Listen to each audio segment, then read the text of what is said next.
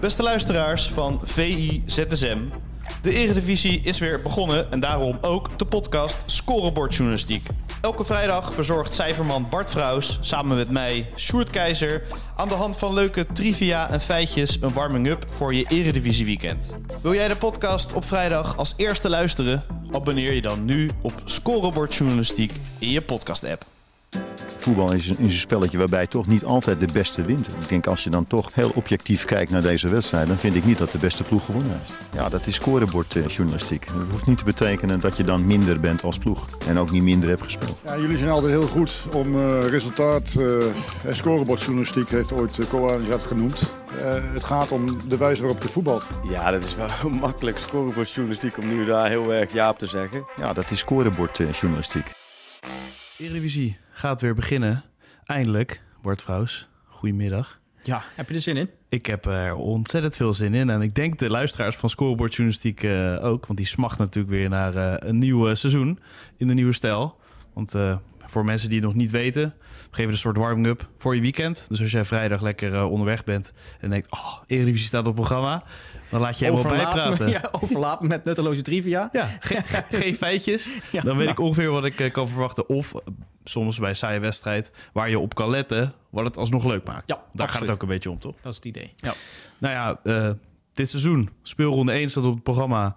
Um, en eigenlijk mijn eerste vraag aan jou is... Wat wordt de top 5? ik moet het nu al gaan duiden. ja. En uh, wat worden de laatste drie?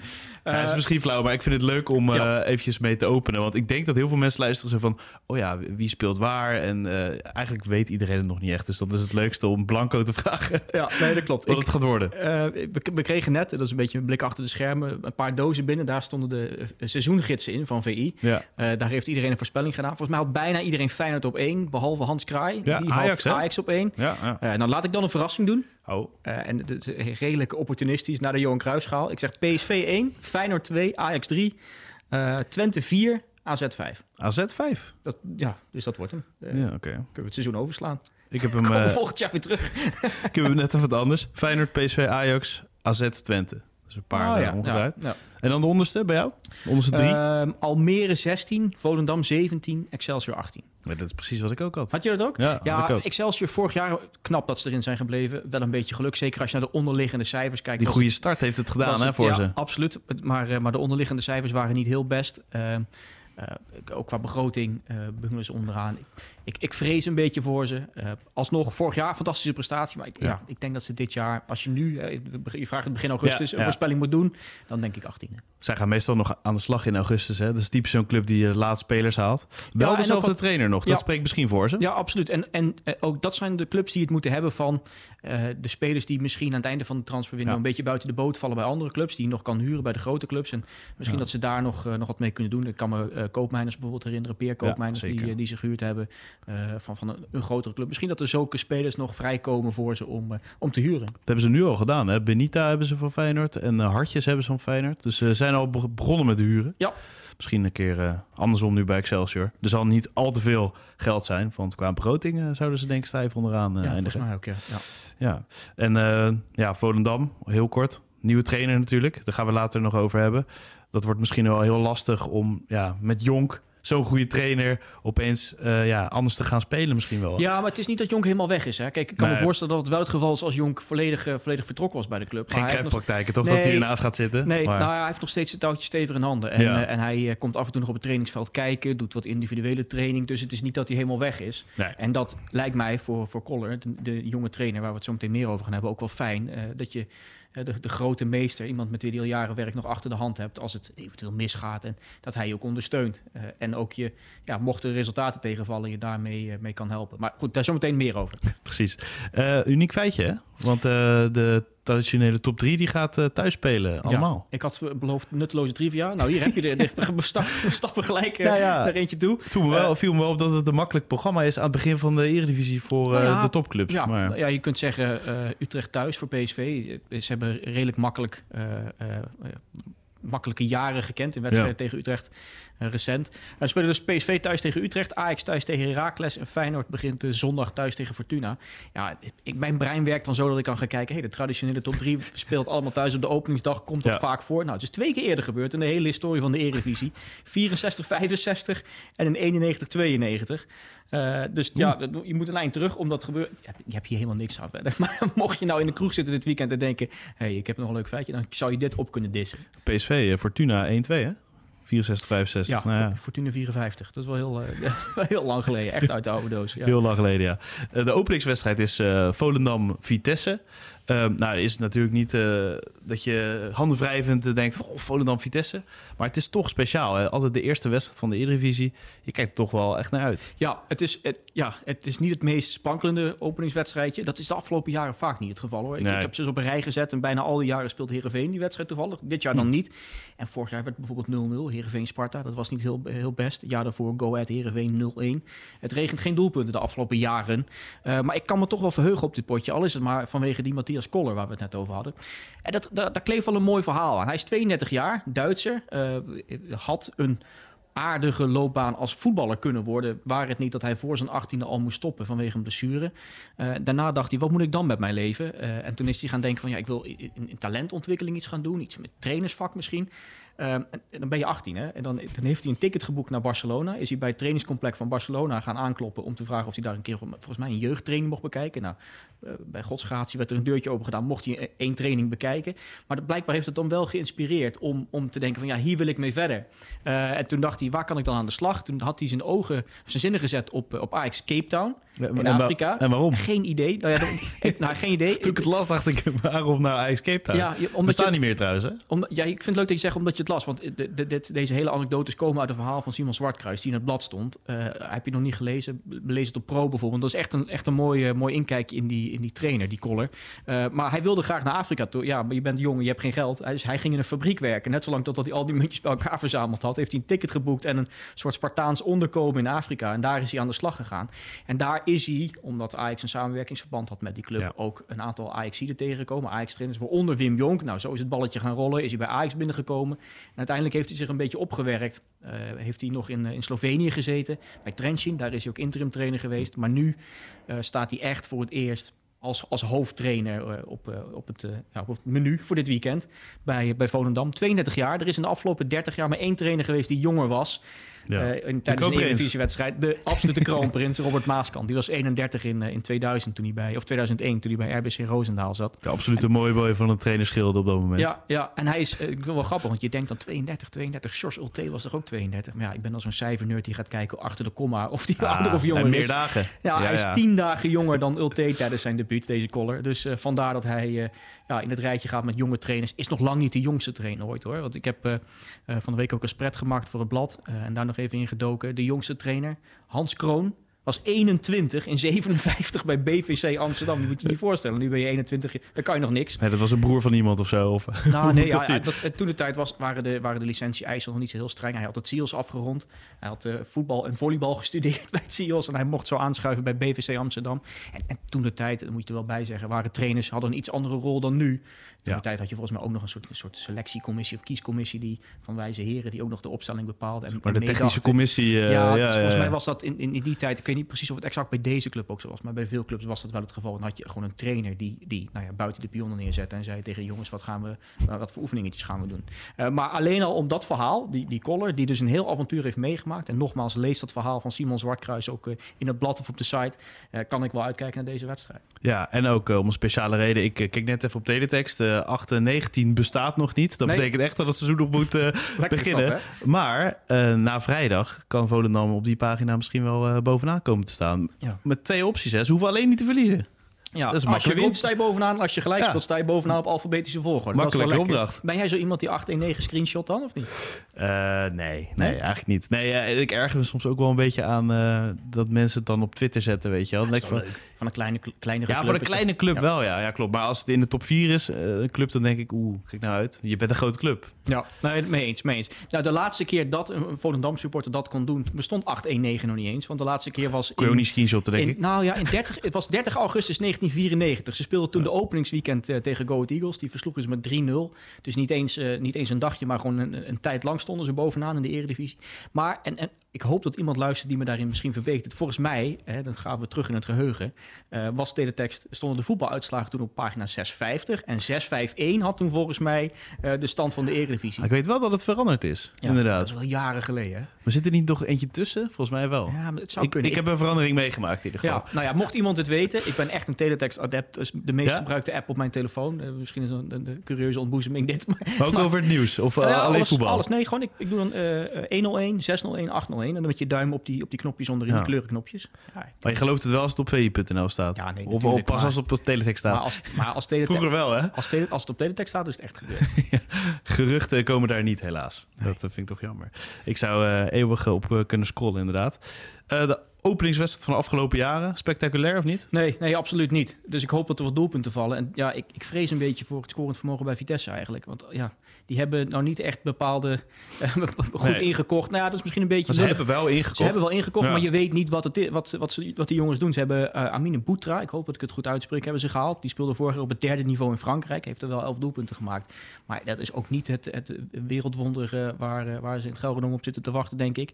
En, en Samit, Said Hamoulic, en ook daarvan vrees ik, ik moet even afwachten de eerste speelgang als de commentatoren die namen zeggen of ik het helemaal goed uitspreek. Maar, ik dacht, hoe komen ze eraan? Maar dan, hij is gewoon geboren in uh, Nederland. Ja, hij komt uit Leiden-dorp. Ja. Uh, heeft bij, bij, in de jeugd van Go Ahead Eagles gespeeld, ook nog bij Quick Boys. En toen is hij gaan zwerven door Europa. Uh, heeft in Bulgarije gespeeld, in, in Litouwen, Polen. Heeft daar best wel veel, veel doelpunten gemaakt. Afgelopen winter, januari volgens mij, naar Toulouse verkast.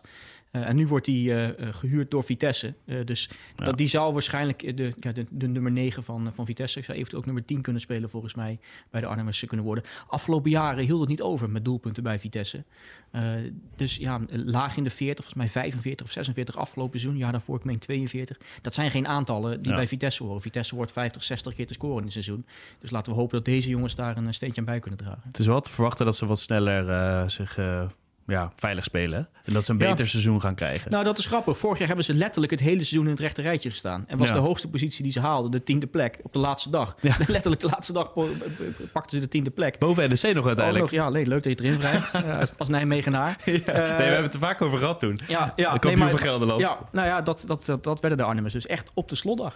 Ja, ja bijzonder. Um, Ajax uh, Heracles, uh, dat is een uh, nou ja, zo, zo Grieks onder ons, hè, toch? Qua, oh, qua, qua, ja, qua ja, namen. Ja, heel goed. Stond er niet eens bij. Maar Tadicloos Ajax, dat, dat is wel bijzonder, hè? Want daarover gesproken, vorig seizoen, daar hebben we het wel heel vaak over Tadic gehad. Over zijn statistiek en hoe indrukwekkend dat was. Hoe ga je dat opvangen? Ja, dat is een goede vraag. Überhaupt is het een bijzondere wedstrijd, omdat hij er letterlijk niet is. De laatste keer dat Ajax een competitiewedstrijd speelde zonder Tadic was in 2018.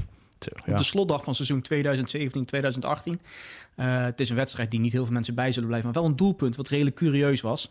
Het was de wedstrijd Excelsior-Ajax. Uh, de licht tikte Oh, terug ja, op Lamproe. ja, ja. En Lamproe verkeek zich volledig op die bal. Was ook geen lekker tikkie Nee. terug. Nou ja, wat zeg ik? Het was echt een typische tikkie terug uit knudden. Was dat, Eh, ja, maar was dat ook rond de tijd dat hij bij Bulgarije ook een beetje de fout ging, eh, de licht? Volgens mij was dat begin eh, ja, dat zou kunnen. dat. Volgens mij was dat in 2017 uit mijn hoofd. En dit was dan 2018. Eh, maar, oh, nou, pin me niet op vast. Eh, maar om even aan te geven wat voor, wat voor een ander, andere tijd je toen leefde. Lamproe dus op doel bij Ajax. Eh, Nu bij Feyenoord ook. Matusiwa eh, in de basis. Kluivert speelde zijn laatste competitiewedstrijd voor Ajax. Dat was dus de laatste keer dat, eh, dat Ajax een competitiewedstrijd speelde zonder Tadic. Meer dan vijf jaar geleden. Ja. Bijzonder, ja. Ja, zeker. En opvallend ook dat ze vaak kampioen worden als ze niet winnen, Ajax. Ja, nou ja, kijk, De eerste eh, speeldag. Ja, als, het, is, het is grappig. Als je, als je kijkt naar de laatste tien jaar... hebben ze drie keer de openingswedstrijd niet gewonnen. Twee keer daarvan was tegen Heracles. Nou, dat, dat is nu weer de tegenstander.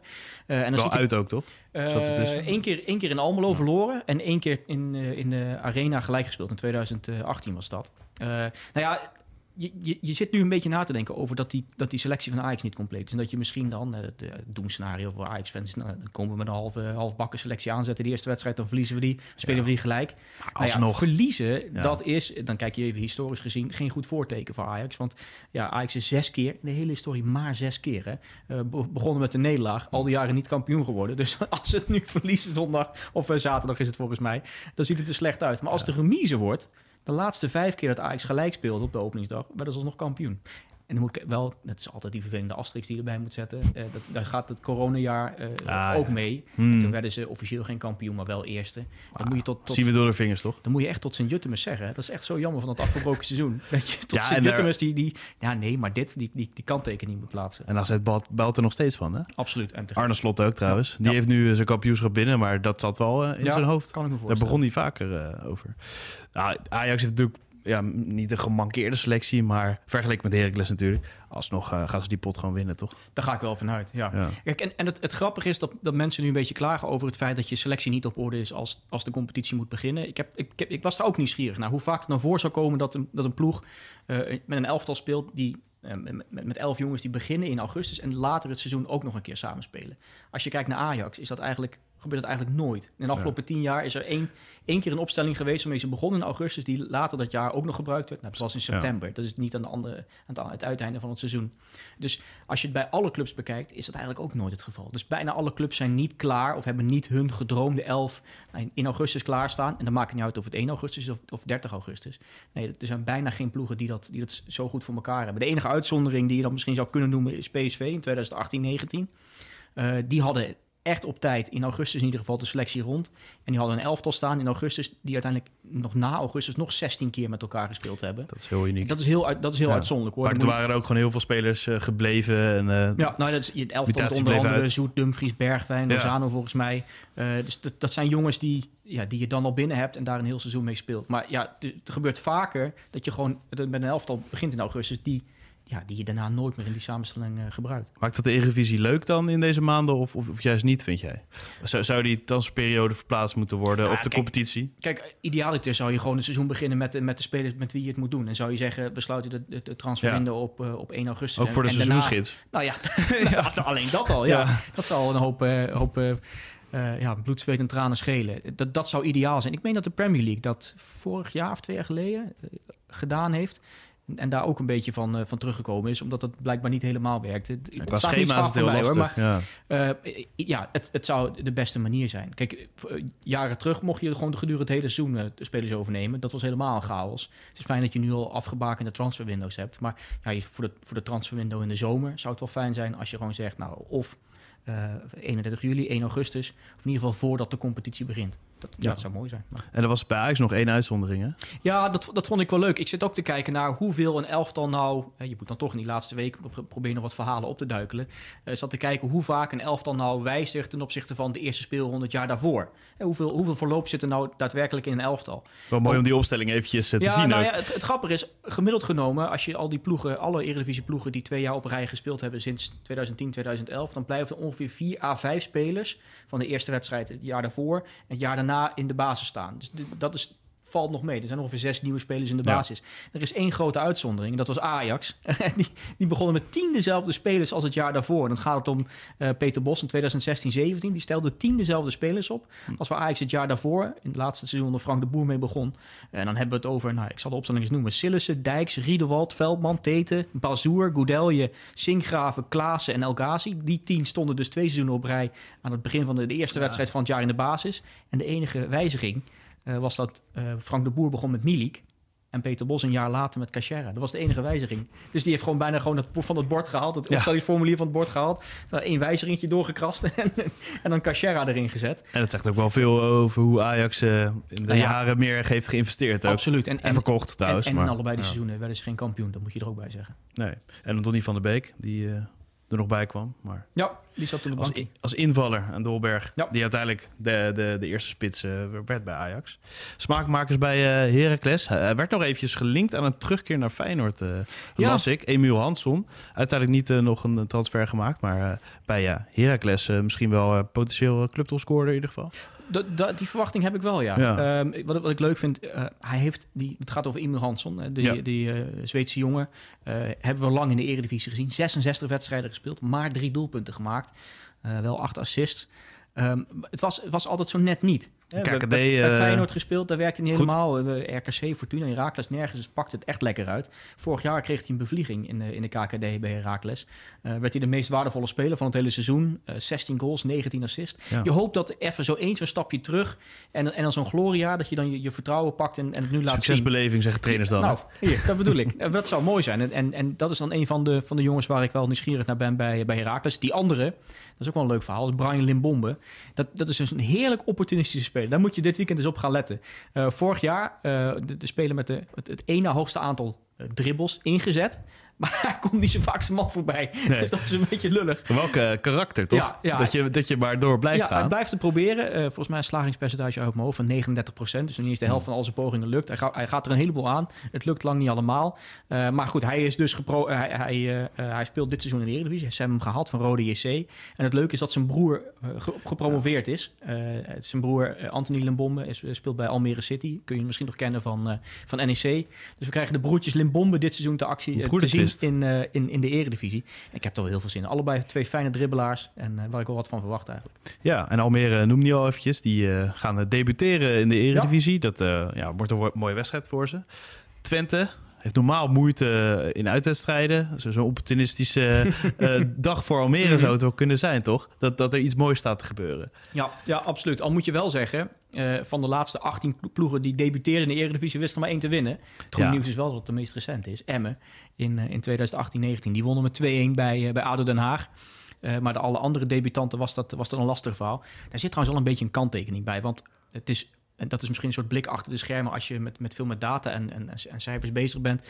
Wanneer is een club nou een debuterende ploeg? Dat is met, met, met alle ploegen die in de afgelopen jaren, ja, dat, dat is misschien niet heel recent, maar als je terug gaat naar de jaren 90, 80, 70, zijn de ploegen gefuseerd. Ja, SVV ja, ja, en Dordrecht 90, wanneer reken je nou iets mee als een, als een nieuwe debuterende ploeg? Dat soort verhalen. Uh, maar goed, als we een beetje de, we, hanteren nu de Opta-definitie en, en daarvan, uh, ja, van, van die 18 debuterende ploegen wist er maar één, één te winnen. Oké, okay, en schat je de kansen wel hoog in? Dat, dat er een resultaat ja, in zit voor Almere? Nou ja, ik, ik gun het ze van harte. Ik vind het heel leuk dat ze ja. gepromoveerd zijn. Het um, hebben wel een goede ploeg staan, ook al hebben ze wat verloren. Ja, maar achterin hebben ze het meeste wel bijeen weten te houden. Daar wilde ik het zo meteen nog even over hebben. Uh, maar, maar als je, ja, je vraagt me om, om een voorspelling, denk ik. Nou, ja, ja, ja, je verwachting. Ik, of, of in ieder geval nou, gelijkspel mogelijk is. Ja, want... nou, ik, ik gun ze een doelpunt en misschien nog een verrassende voorsprong, maar ik, ik denk dat Twente wint. Ja, want uh, wat ervaring in de Eredivisie uh, hebben ze niet heel erg uh, veel, hè? Nee. Almere City. Nee, er zijn echt maar een handvol spelers. Nou, dat is misschien wat overdreven, maar niet heel veel spelers die, die ervaring hebben op het hoogste niveau. Van, ze hebben maar drie spelers die meer dan 50 wedstrijden gespeeld hebben in de Eredivisie. Dat zijn de Floranus, Post en Van La Parra. Uh, nou ja, die hebben allemaal meer dan 80 wedstrijden gespeeld. Dus die hebben wel een beetje een idee wat je te wachten staat. Maar gewoon volgens mij in die hele selectie meer dan 20 spelers die nog nooit uh, hebben geroken aan het hoogste niveau. En, dat, en dat wordt wel een, een, een ding. Hoe makkelijk kan Pastoor die jongens klaarstomen? Uh, zenuwen, hè, volle stadions. Mm. speelt nu echt voor, voor veel publiek. Ja, hij heeft er ervaring mee, hè? Staat ja, er. nou ja, ik, ik, ik, had, ik, ik zei net al dat ik, dat ik voor de VI een, een verhaal gemaakt heb over, over trainers dit seizoen in de Eredivisie. Dat, de insteek was onder andere dat trainers heel oud worden. Nou, die, ja, die hij, ligt hier, hij ligt hier open, ja, hij ligt hier voor ons. Die collar van, van Volendam is dan uit uitzondering. En ik heb ook eens gekeken, omdat het debuut is van, uh, van Almere, uh, welke trainers nou heel veel spelers laten debuteren in de eredivisie. Uh, en, en daar komt Pastoor redelijk hoog in terug. Uh, Pastoor heeft niet heel veel wedstrijden op de bank gezeten. Maar omdat hij al nu voor de derde keer met een, met een ploeg promoveert naar de Eredivisie. Ja. Heeft hij in de voorgaande twee keer bij Excelsior en Sparta veel jongens moeten laten debuteren. Uh, denk aan Klaasie, Dumfries. Uh, bij, bij NEC heeft hij Jaan Baks laten debuteren. Dat zijn wel leuke namen.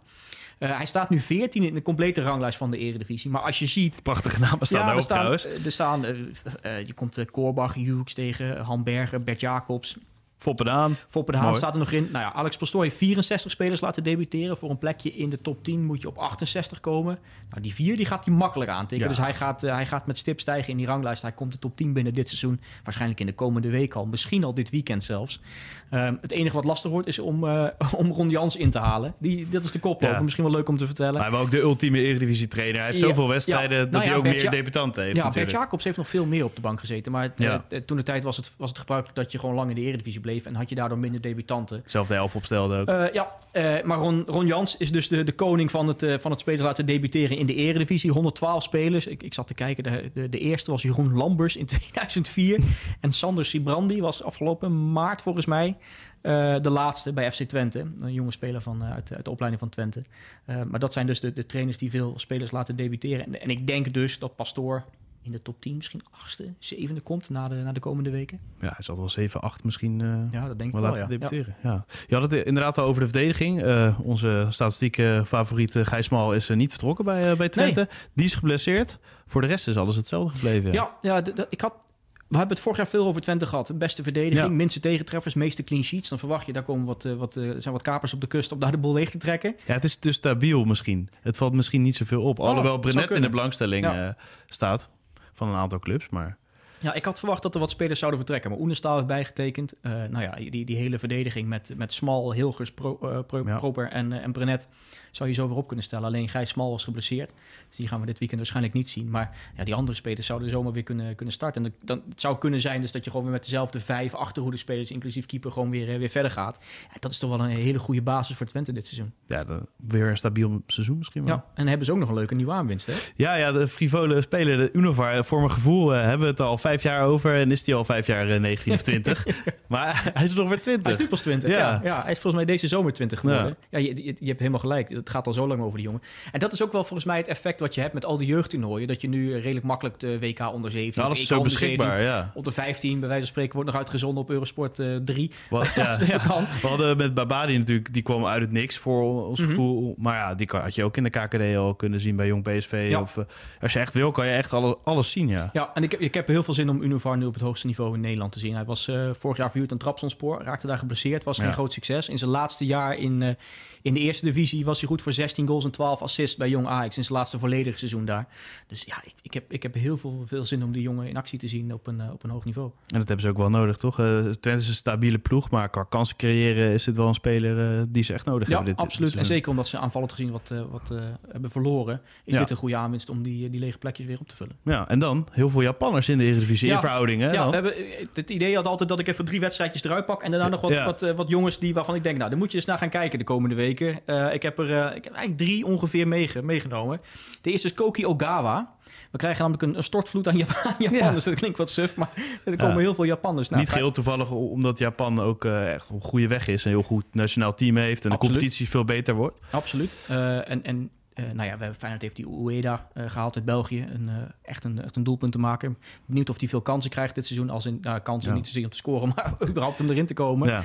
Ja. Danilo was vorig jaar elke wedstrijd, heeft elke wedstrijd meegedaan. Laten we hopen dat het voor deze Japaner ook geldt. Dat hij aan zijn minuten komt.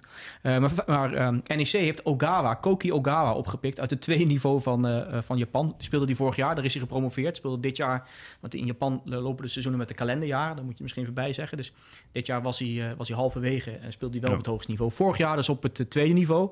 Daar was hij met afstand de topscorer. 26 goals. Het mooie is dat hij ze met links, rechts en met het hoofd allemaal kon maken. Dus minimaal zeven doelpunten met elk lichaamsdeel. Dus dat is wel knap.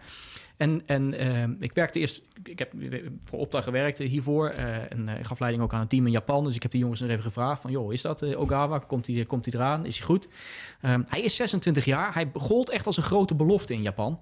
werd ook van gezegd jaren geleden van, nou, dat wordt echt onze ster tijdens, het, tijdens de Olympische Spelen van Tokio. Mm. Die, die werd verplaatst van 2020 naar 2021. Heel corona, laten we er niet weer over beginnen. Um, maar ja, hij was er werd hem een grote toekomst toegedicht. Alleen, ja, hij haalde de selectie niet eens. Nee. Omdat hij gewoon een soort wak belandde in, uh, in Japan. Uh, en, en, maar alsnog is het, een, uh, is het een speler die een keer moet ruiken aan een, aan een, aan een stapje, stapje hoger, aan een ja. hoger niveau. En, en, ik denk dat hij bij NEC dit jaar redelijk wat kansen krijgt om, om minuten te gaan maken. Ja, wat en, ik las is ook, uh, voetbal het iets minder, maar heel doelgericht, toch? Ja, is het? Ja, het Is, volgens mij hoef je hem niet uh, vanwege zijn, zijn fabelachtige techniek naar het stadion te gaan. Nee, en nee, om hem te zien, maar wel uh, is het wel iemand met een goed neusje voor het doel. Nou ja, je, je ziet het aan die cijfers en de manier waarop hij ze binnenprikt. Op alle mogelijke manieren weet hij te scoren. Dus ik ben, ik ben wel heel nieuwsgierig naar, naar Ogawa en alle andere Japanners die we dit seizoen in actie gaan zien. Nominatie voor de topscorerslijst, Eredivisie? Nou, nee, dat denk ik niet. Nee, nee? daarvoor, uh, da, da, dat komt nog wat te vroeg. Dat, dat uh, gaat, gaat denk ik niet lukken. Ik zou het wel leuk vinden. De, er zijn niet zo heel veel scorende Japanners in de Eredivisie geweest. We hebben veel, nee. veel Japanners gehad, maar hmm. Havenaar is eigenlijk de enige die de dubbele cijfers heeft Havenaar, gehaald. Ja, ja. Dus ik hoop, en dat, ik hoop dat dat, dat dat nu verandert met bijvoorbeeld Ueda of met Ogawa. En dan wat uh, verwarring, hè? Want uh, nou. een Edwardson... Dit wordt lastig. ja, bij Go Ahead. Leg eens uit. ja, nou, Edward, uh, Go Ahead had een Edwardson. Ja. Die dachten, nou, als we er één hebben, kunnen we misschien nog eentje bij doen. Hoe, maar hoe gebeurt dat? dat, ja, dat geen idee. Moet, ja, is dat toeval? Of, Ik heb geen idee. Ze hebben nu, dat ze hadden, even voor de goede orde, hadden ze Oliver Edwardson is een Noorse buitenspeler. En ze hebben nu een zweet aangetrokken die Victor Edwardson heet. Ja, echt dus nu al uh, respect voor de commentatoren. Ja, Jansen en uh, Jansen, Edwardson en Edwardson. uh, maar dat is best wel een aardige speler hoor. hij is 27, is al wat op leeftijd. Je verwacht misschien dat als zo'n speler naar de Eredivisie komt, is hij wat jonger en misschien ja, met, met oog op de toekomst eventueel doorverkopen. Nou, dat, hij is 27, kunnen we alsnog doorverkopen hoor, daar niet van. Maar hij heeft dus al wat bagage. Hij maakte in april 2021 zijn debuut op het hoogste niveau in Zweden. Um, en ja, er waren er sindsdien maar twee spelers betrokken bij meer doelpunten dan deze, deze jongen. Uh, hij was bij 38 goals betrokken in, in een goede twee jaar tijd. 25 goals, 13 assists. Dat zijn geen slechte cijfers. dus ik verwacht wel wat van deze, van deze jongen. En ook dat is weer zo iemand om, uh, om dit jaar in de gaten te houden. Uh, en ja, alles maar dat je ze niet uit elkaar kan houden. Nee. Dus als je één Edward zo goed vindt, dan, heb je, dan, moet je maar hopen dat je de goede hebt. Misschien moeten we Fran Turven, hoe vaak het in de samenvatting van de NOS uh, oh, fout gaat ja, dit ja. seizoen. Ja. Dat is een goede om in de gaten te houden voor de eerste speelrondes. Dan hebben we nog wat KKD-talenten. Onder andere bij Feyenoord en AZ. Thomas van der Belt, Ruben van Bommel. Dat zijn toch wel twee namen waar men veel, veel van verwacht. Ook in de lijn van, van Wiever lijkt het een beetje te zijn. Hè? Ja. Nou, wat ik leuk vind, is dat we, in, dat we een hoop waardevolle spelers zijn kwijtgeraakt dit seizoen. Uh, ja. Elke, elke, de, de, ploegen die in de bovenste vijf eindigden afgelopen jaar zijn hun belangrijkste bepalende speler in aanvallend opzicht allemaal kwijtgeraakt, stuk voor stuk. Dus de spelers die bij de meeste doelpunten of bij de meeste aanvallen uit open spel betrokken waren, die zijn allemaal weg. Denk aan Kukcu bijvoorbeeld bij, bij Feyenoord. Um, en, en dan denk je, ja, dan moet je weer uit een andere pool gaan vissen. En dan blijkt dat die KKD toch best wel een mooie kweekvijver is voor jong talent. Als je de spelers bekijkt die uh, betrokken waren bij de meeste doelpunten en die tot en met 21 jaar waren afgelopen seizoen. En dan denk je even de jongploegen weg, want ja, die spelen al bij een, bij een, bij een ja, Eredivisieploeg. Ja. Dan ja, de, de top 5, vier daarvan spelen dit seizoen in de Eredivisie. En eentje uh, gaat terug naar België. Dat was uh, Jarne Steukers. Die, was, die speelde bij MVV vorig jaar. Die werd, werd daar gehuurd. Die is terug naar, naar Sint-Truiden.